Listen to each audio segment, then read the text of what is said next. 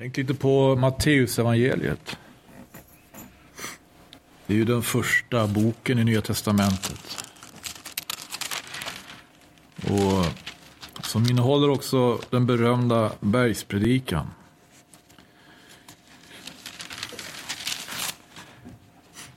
Och jag vet inte, den är väl berömd på sitt sätt, men jag vet inte om den är så känd egentligen. Skulle bergspredikan vara känd, trodd och älskad som den borde vara, då skulle kanske vår kunskap om den inte begränsa sig till den gyllene regeln. Men det är ju naturligtvis det är ju en, ett inslag i bergspredikan. Det som Jesus säger då han talar om allt vad ni vill att människorna ska göra er. Det ska, det ska ni också göra dem.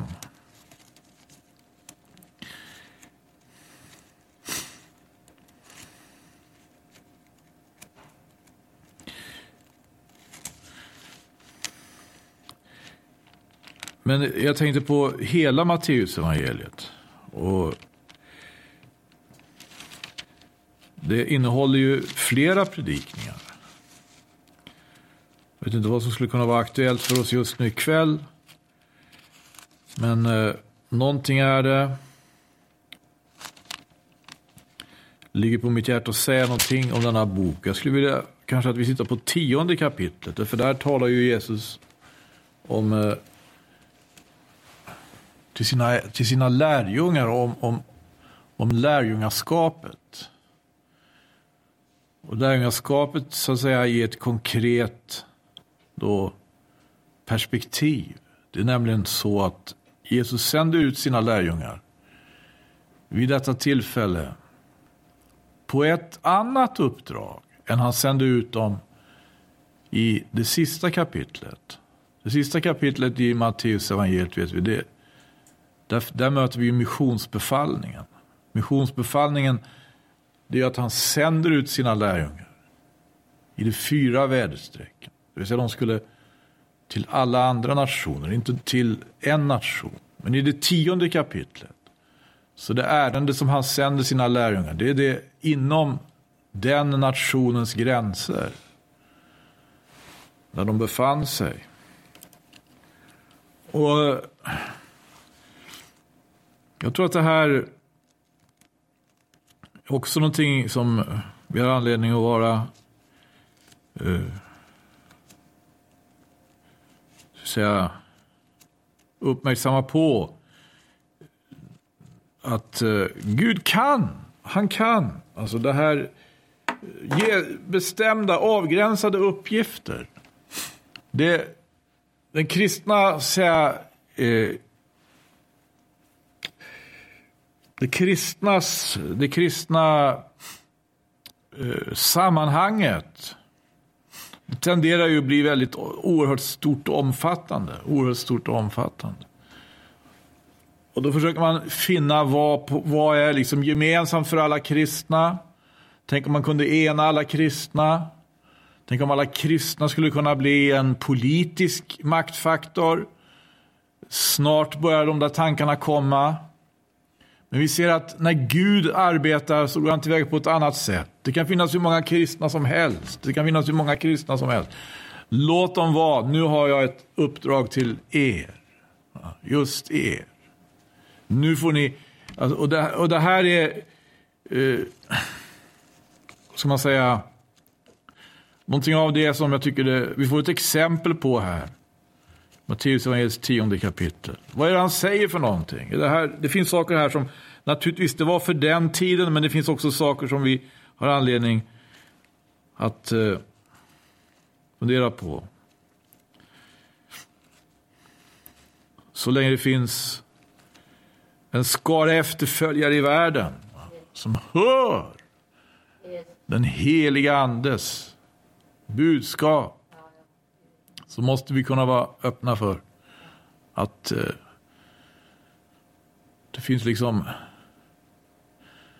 det finns, det finns uppgifter, uppgifter konkreta uppgifter för oss i den tid vi lever. Som eh, han vill hjälpa oss att se. Som, det står så här. Han kallade till sig sina tolv lärjungar och gav dem makt över orena andar till att driva ut dem. Så makt att bota alla slags sjukdomar och allt slags skröplighet. Och dessa är det tolv apostlarnas namn. Först Simon som kallas Petrus och Andreas hans broder, vidare Jakob Sebedeus son och Johannes hans broder. Filippus och Bartolomeus, Thomas och Matteus publikanen, Jakob Alfeus son och Lebeus, Simon ivraren och Judas Iskariot, den samme som förrådde honom.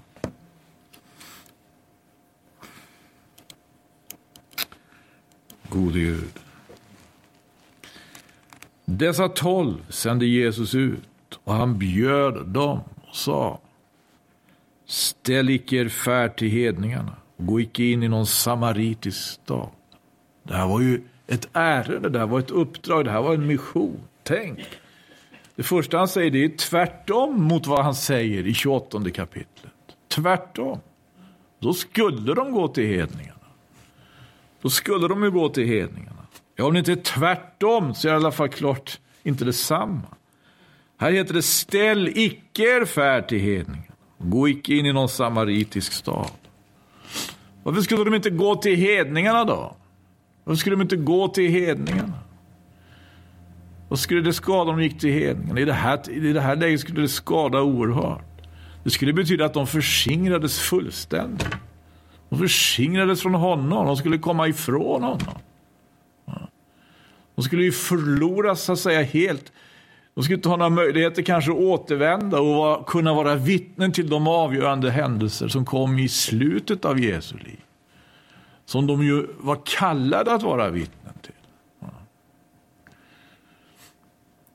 Ni förstår, det skulle ju ha varit ett väldigt kraftigt argument kanske att ta till. Men snälla någon, ska vi inte till hedningarna? Det står ju till och med hos profeterna.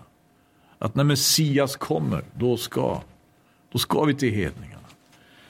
Men eh, här säger han, ställ icke er färd till hedningarna och gå icke in i någon samaritisk stad.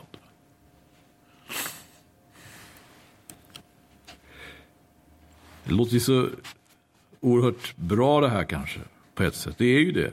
Gå till hedningarna, det är det. Och man skulle vilja fara iväg ibland. Men eh, det viktiga nu är att hålla sig till honom. Hålla sig till honom. Gå hellre till de förlorade fåren av Israels hus. Gå hellre till de förlorade fåren av Israels hus. Gå till de förlorade fåren. Bara det. Vad är det då för någonting? Gå till de förlorade fåren. Skulle man inte kunna gå till några andra får? Bättre får? Kraftigare får? Får som inte var så sjuka, får som inte var så illa däran. Skulle man inte kunna gå till bättre får? Vi skulle kunna få en fårjord som var riktigt, riktigt, riktigt så att säga. Ja, en stor får, kraftiga får. Och, och, och, och, väldigt alltså som vi skulle kunna på något vis exploatera. Tänk! Då ska vi till de förlorade få. Säger Jesus ska till de förlorade få. Vad är det för några får? Då? Det är ju faktiskt eh, kanske inte så mycket vi kan hämta där. Om vi skulle säga att vi har på sätt och vis normala, naturliga mänskliga intressen av framgång, vinning,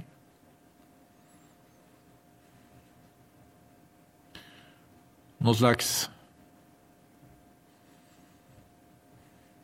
vinstgivande projekt. Vad kan man göra med förlorade? Förlorade får. Gå till det förlorade.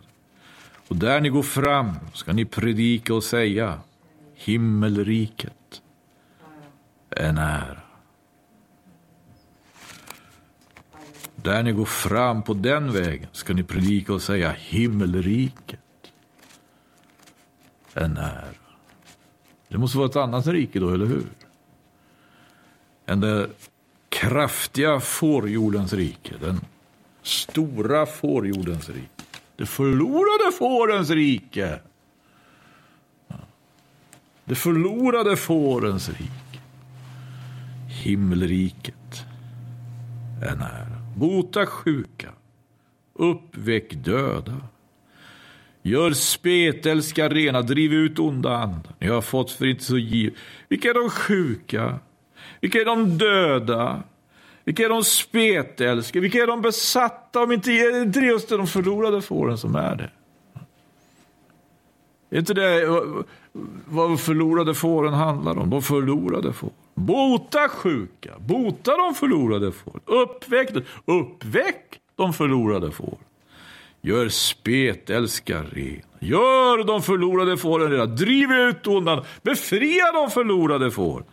Ni har fått förintet, så giv och förintet. Skaffa er icke guld eller silver eller koppar i era bälten. Det skulle kunna vara en utrustning. Men nu säger han, skaffa er icke. Skaffa er icke guld eller silver. Vi måste ju naturligtvis ständigt på nytt om och om igen fråga, vad är egentligen eh, ägnat åt hans efterföljelse? Vad är en utrustning som är ägnad åt att vara hans efterföljare? Vad är det? Vad är en utrustning som att vara ägnad åt att vara hans efterföljare? Och vad är, vad är tvärtom bara en belastning? En belast, vad, vad går vi och bär på? Är det nödvändigt att gå och bära på det vi bär på? Ska vi vara bärare av? För någonting. Icke någon ränsel för er färd, ej heller dubbla livkläder. ej heller skor eller stav, ty arbetaren är värd sin lön. Mycket i den här utrustningen. Ja. Som man skulle kunna tänka sig skulle kunna vara till god nytta. Guld, silver, koppar. Ränsel för er färd. Dubbla livklädnader. Skor. Stav. Vem klarar sig utan skor? Vem klarar sig utan stav? Men Gud sände ju, i vissa perioder så sände han ju eh, så att säga på uppdrag de som han, han verkligen hade givit någonting av den här utrustningen. Och nu, nu, skulle de inte ha det. Mose hade en stav. Visst hade han det. Till exempel. Han hade en hel del annat med sig också. Men om vi bara tänker på staven. Mose stav. Jämför, nu, skulle, nu, skulle, nu skulle Guds tjänare inte vara utrustade med några stav. De skulle inte vara utrustade med några stav. Det primära, primära uppdraget var inte det som Mose hade. Det primära uppdraget som Mose hade var att straffa Egypten. Men Jesus sände inte sina lärjungar på ett uppdrag att straffa. De skulle inte vara, upp, de skulle inte vara utrustade med den styrkan först och främst. Utan det såg vi vad handlade om för någonting. Bota. Men när ni har kommit in i någon stad eller by så utforska vilken där inne som är värdig och stanna så hos honom till dess ni lämnar den orten. Utforska. Det är någonting att utforska utforska vilken som är värdig. Vilken som är värdig. Värdig vad då? Värdig detta uppdrag. Värdig detta budskap. Värdig den, den som har sänt. Värdig Kristus själv. Ska det kunna finnas någon som är det? Där vi kommer, där vi kommer. Någon som är det. Är inte alla ovärdiga? Är Inte alla ovärdiga, inte det vad, vi, vad vår lutherdom har lärt oss. Det finnas någon poäng med att försöka hitta någon värdig. Tydligen gör det det. Ja. Ska vi inte säga, ska vi inte säga alla är ovärdiga, alla är syndare. Och så, och så, så har vi den här regeln liksom. Om eh, att eh, god. Nej, står det, vi ska utforska vilken där inne som är värdig. Och när ni kommer in i ett hus så hälsa det. Om då det huset är värdigt så må den frid ni tillönskade komma däröver. Men om det icke är värdigt, då må den frid ni tillönskade vända tillbaka till er. Ett, ett hus som alltså eventuellt får ta emot budbärare. Ett hus som eventuellt får ta emot frid. Frid som förbliver över huset. Eventuellt. Eventuellt inte. Det beror på hur huset ser på saker och ting. Det beror på hur huset så att säga betraktar Jesu budbärare. Det beror på hur huset så att säga betraktar dem som inte har guld eller silver eller koppar i sin så att säga utrustning. Ingen ränsel, inga, inte dubbla livkläder, inte skor eller stav. Inte den utrustningen. Det beror på hur huset betraktar dem. De söker sig till de sjuka, de döda, de spetälska. Hur betraktar huset sådana människor? Sådana, sådana sändebud. Avgörande för huset här är ju naturligtvis hur man ser. Hur man bedömer Jesu vittnen. Och om man på något ställe icke tar emot er och icke hör på era ord, så gå ut ur det huset eller den staden och skudda stoftet av era fötter. Sannerligen säger jag er, för Sodoms och Gomorras land ska det på domens dag bli drägligare än för den staden. För Sodoms och Gomorras land. Klart, Sodom och Gomorra, det var ju väldigt illa. Men det fanns ju något som var värre. Det var ju värre i Kapernaum. Kapernaum var ju värre än Sodom och Gomorra. För Sodom och Gomorra hade Lot. Som de inte ville lyssna på. Men Kapernaum, där bodde Jesus.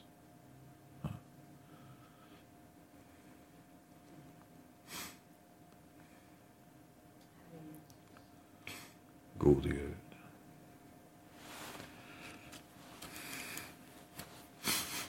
Vad är, vad är vi stadda på för väg? Vad har vi för utrustning? Vad kommer vi till för hus? Se, jag sänder er åstad såsom får mitt in ibland ulvar. Varför den skulle kloka såsom ormar och menlösa såsom duvor. Vilket uppdrag. Jag sänder er åstad såsom får mitt in ibland ulvar.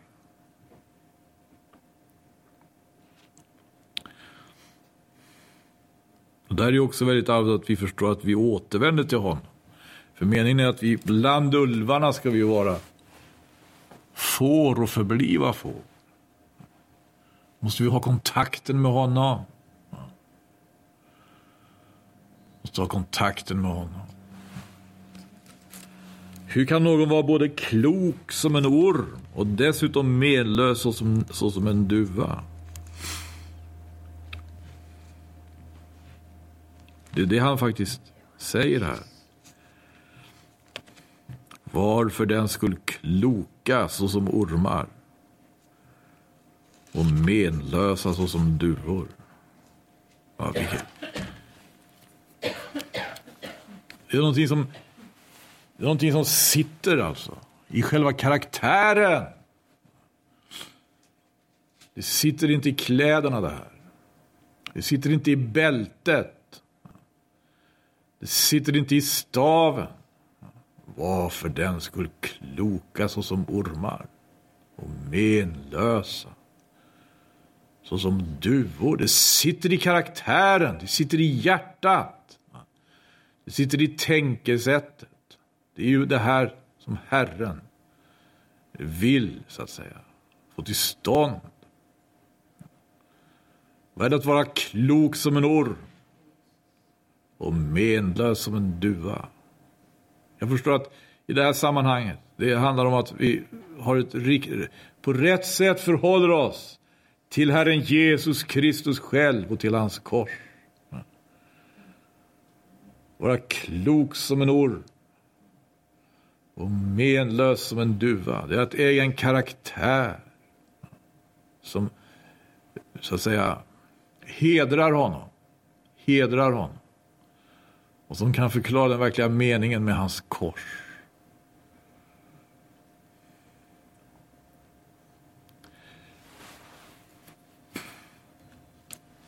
När, man, när vi har gått så här långt i, i, i undervisningen i, i, i det här, då förstår vi ju fruktansvärt kyrkan har missförstått saker och ting. Kyrkan har ju fruktansvärt allvarligt sett missförstått saker och ting. När den har så att säga gått tillväga på tvär, helt motsatt sätt. Helt motsatt sätt.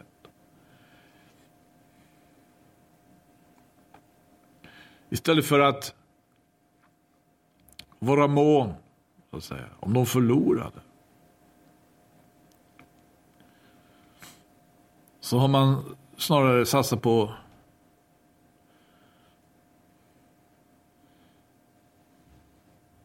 eh, en slags, ska vi säga, majoritet. En majoritet, den stora majoritet. Den starka majoritet. Bygga upp så att säga ett, ett slags rike på jorden. Vad är det för rike? När man har satsat på att vara utrustad med allt möjligt i fråga om kläder, i fråga om eh,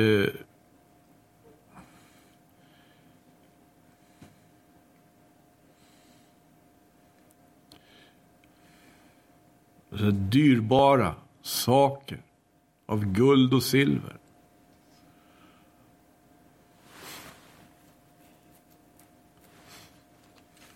Och visserligen får man i kyrkan många, så att säga, eh, möta många uttryck för korset.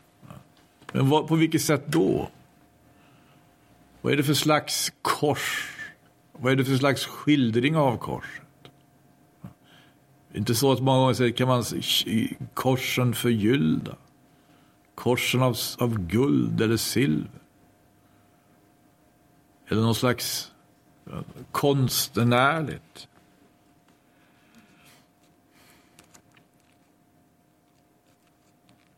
Men det är knappast efterföljelsens kors. Det är knappast lärjungaskapets kors.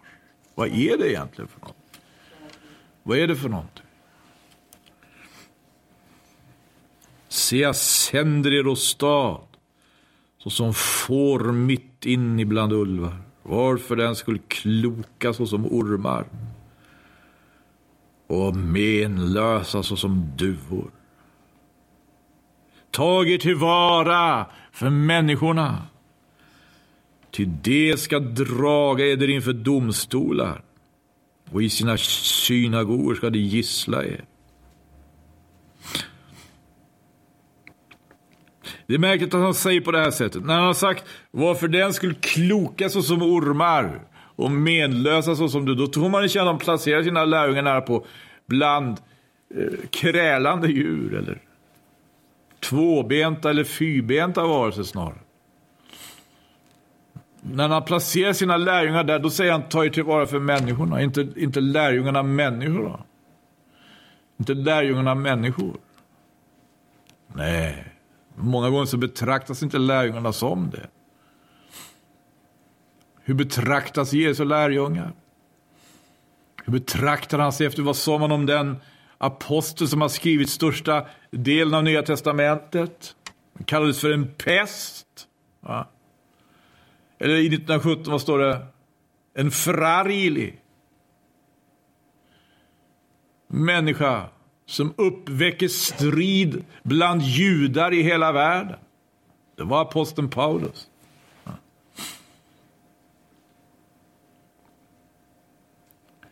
En sån riktig, så att säga, en, en pest, en landsplåga.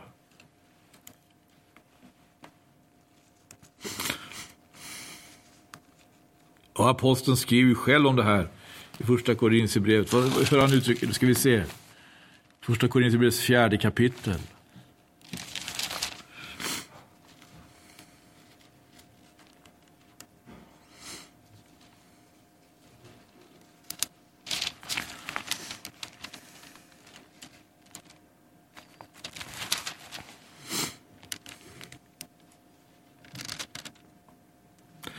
I nionde versen där. Mig tyckes nämligen att Gud har ställt oss apostlar här såsom det ringaste bland alla, såsom livdömda män.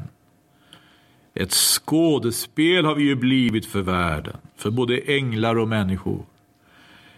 Ja, är det här någonting av hemligheten med att vara klok som en orm, att vara menlös som en duva?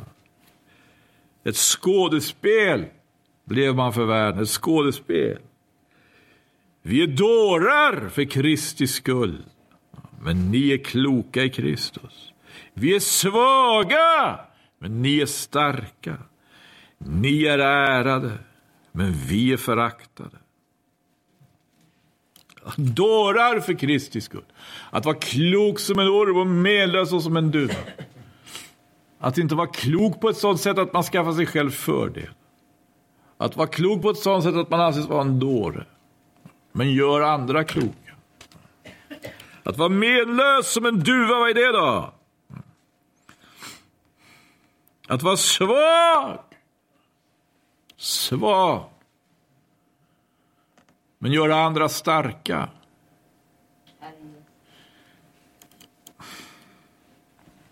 Ni är ärade.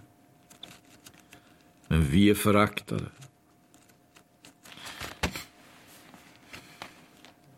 Ta er tillvara för människorna. Ty de ska draga eder inför domstolar och i sina synagogor ska de gissla er. Vad beror det på då?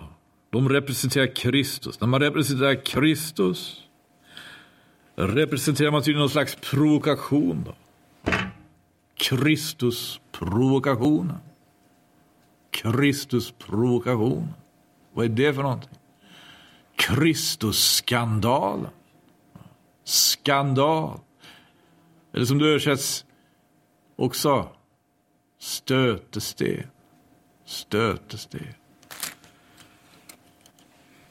Hm.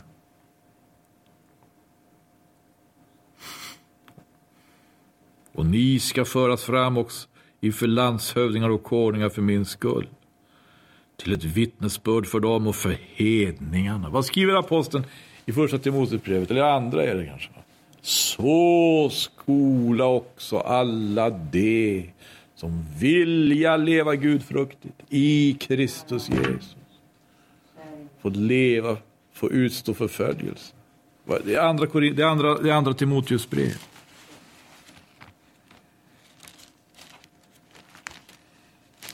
Andra Timoteus tror jag var, fjärde kapitlet. Tre.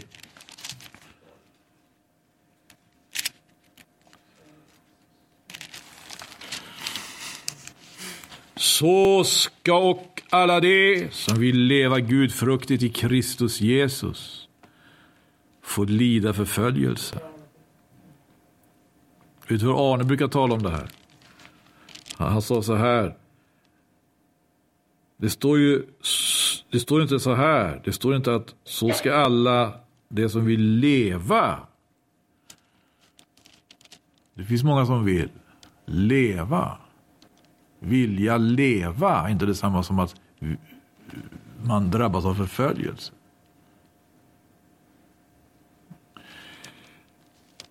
Det står inte heller så ska alla de som vill leva gudfruktigt. Det finns ju många som vill ha det också. Gudfruktigt, leva fromt. Att bara vilja leva kan naturligtvis vara en sak som är orsakar besvärligheter.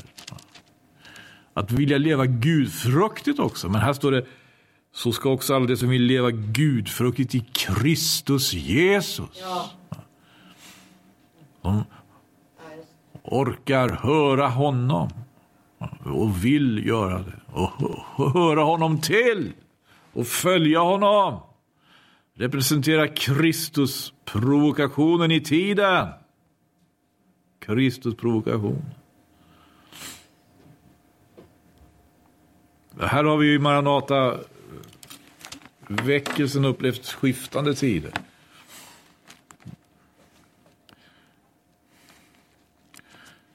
Jag vet inte, det var en tid då saker och ting hände som...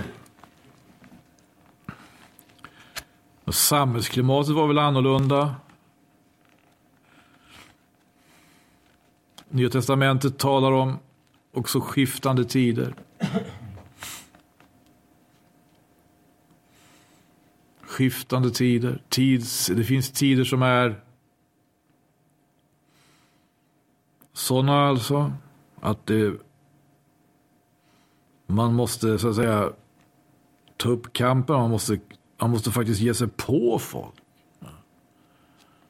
Man måste bråka med människor. Man måste, det finns, många kanske är eh, på sätt och vis öppna för någon slags religiositet, men knappast allvarliga.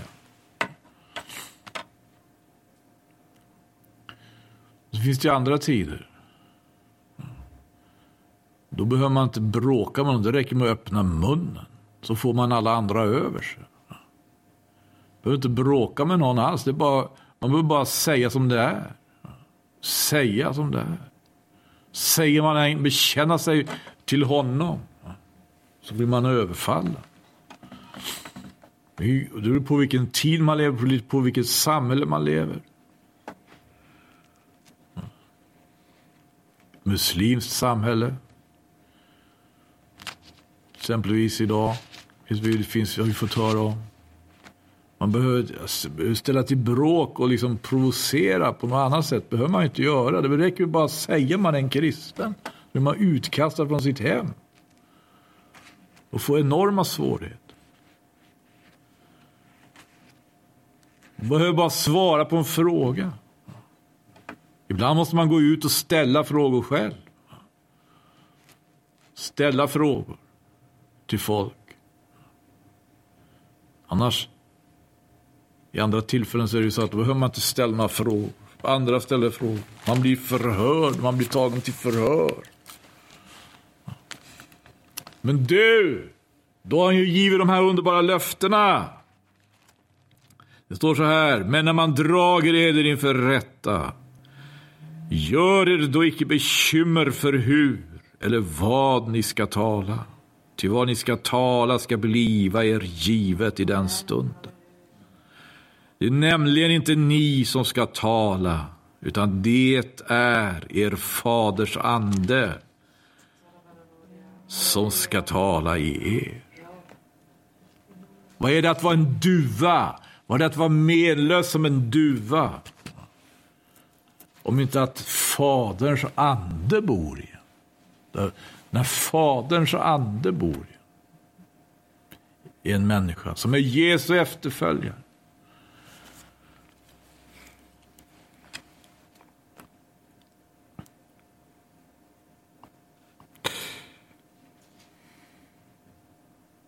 Och det här var inte nådigt. Den ene brodern ska då överlämna den andre till att dödas. Jag och fadern sitt barn och barn ska sätta sig upp mot sina föräldrar och ska döda dem. Och ni ska bli hatade av alla för mitt namns skull. Men den som är ståndaktig intill änden, han ska bli frälst. Den som är ståndaktig intill änden. Vad är det som orsakar den här förfärliga situationen? Ja, men det måste väl ha att göra med vem, vem man har valt att hålla sig till. Det måste väl ha att göra med vem man har valt att följa. Eh, får jag säga så, hur kär man är i Jesus Kristus. Är man kär i honom, då betyder det mer för en. Att vara, ta honom till behag. Att följa honom. Än att vara utrustad på ett, på ett sätt som så att säga kan kanske verka imponerande i människors ögon. Med guld, silver och koppar. Eller kläder, stav, skor och så vidare. Som en utrustning som kan kanske också verka lite skrämmande.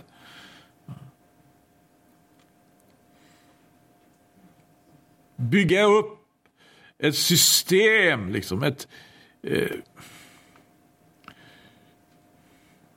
som går ut på att imponera med det yttre, yttre. Eller inte, inte, inte, inte framförallt vara intresserad av det, utan fråga först och främst, vad är Herre, vad är din vilja? På vilket sätt, på vilket sätt får du på vilket sätt kan vi på det sättet ställa oss till förfogande att du, Herre, får skapa oss denna karaktär? Att vi är kloka som ormar. Vi är alltså inte kloka för oss själva. Vi ser ut som dårar, va? men vi gör andra kloka. Att vi är menlösa som duvor. Va? Vi är svaga, svaga, men vi gör andra starka. Vi utrustar inte oss själva. Det får betyda mer för oss, mer för oss. Att vi, att vi, hur, vi, hur vi förhåller oss, att vi har det rätta förhållandet till Jesus Kristus och till hans kors. Att vi förstår att upplyfta korsets, ska vi säga, fälttecken. Vet du, många har velat göra, upplyfta korsets fälttecken. Och eh, man har gjort jättestora misstag då. Man upplyfte, man upplyfte faktiskt inte det korset man borde ha upplyft. Inte efterföljelsens kors. Korsriddarna. Det har funnits många korsriddare, har inte det, genom historien? Det finns korsriddare på medeltiden. Det finns nog korsriddare i vår tid också.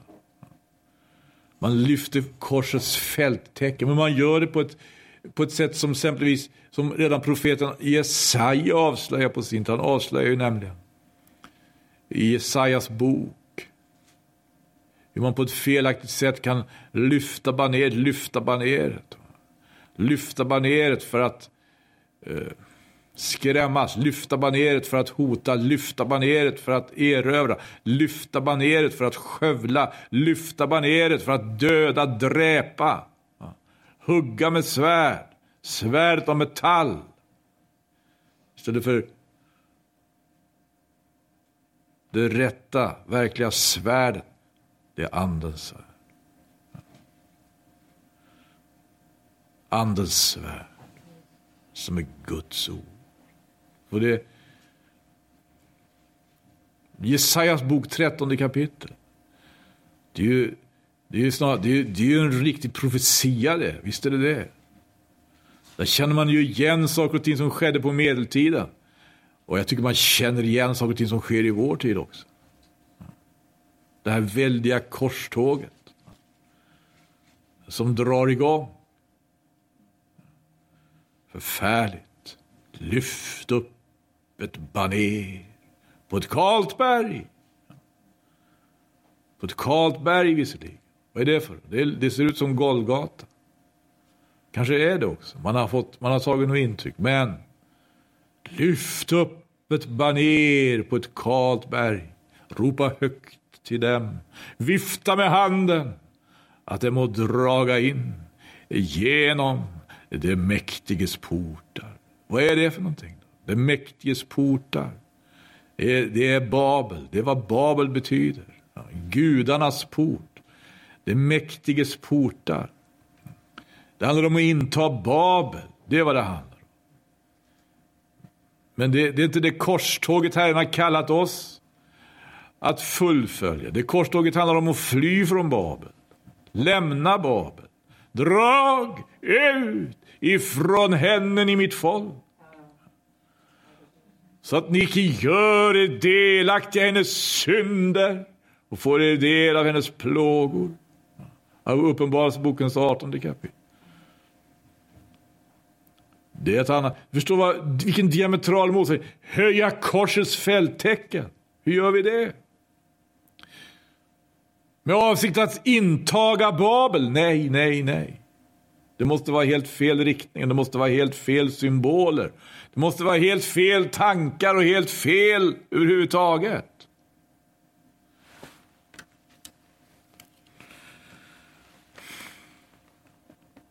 När det nu förföljer er i en stad, så fly till en annan. Och om det också där förfölja er. Där, jag kan inte släppa det här riktigt då. Jesaja 13, därför det handlar inte om att bli förföljd. Utan det handlar om att själv bli en förföljare. Själv bli en förföljare. Och se till att man blir utrustad som en förföljare också. Jag ska, ska vi läsa Jesaja 13. Själv, vadå? Kapitel eh, 13 i Jesajas bok, kapitel, vers 2. Res upp ett baner på ett kalt berg.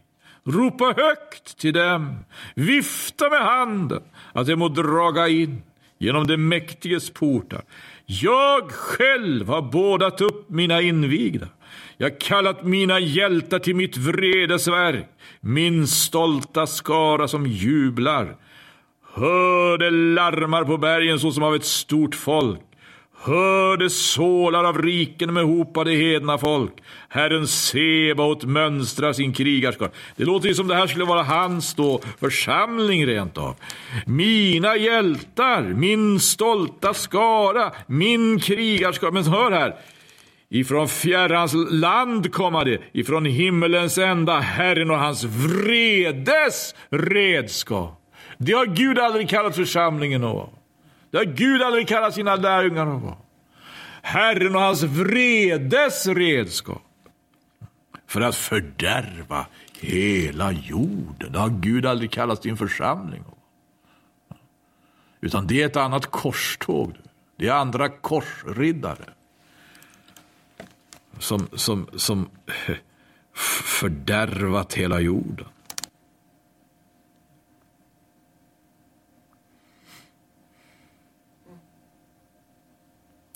Vad Gud överhuvudtaget med det hela att göra. Du vet, det finns, det finns två saker. Det finns Guds vrede och så finns det Guds nåd. Finns det ett ögonblick av nåd?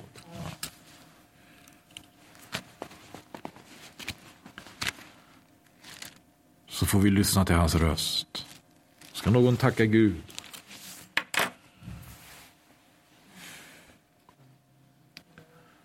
Bed att vi får vara hans efterföljare. Stå för den verkliga Kristus-provokationen. Förstå att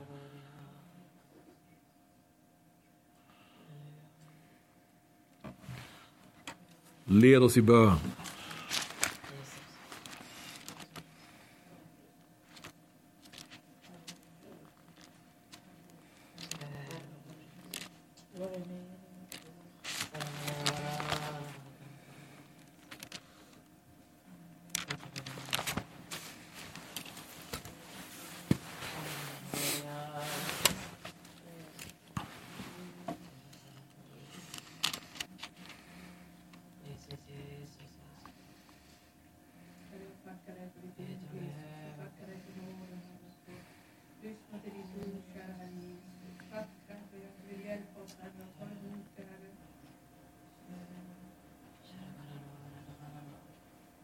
Amen. Du förstår, vi har bara kommit igenom. Ja, vi har kommit igenom lite i Matteus tionde kapitel, men det är mer kvar här. Gode Gud.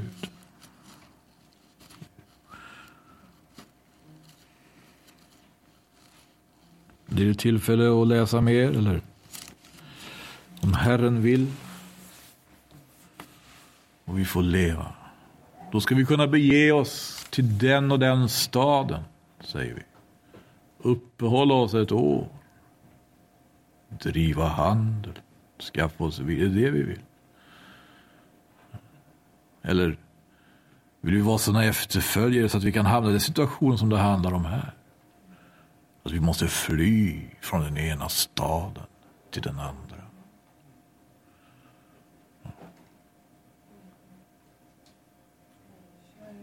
Och han säger, ni ska icke ha hunnit igenom alla Israels städer förrän Människosonen kommer.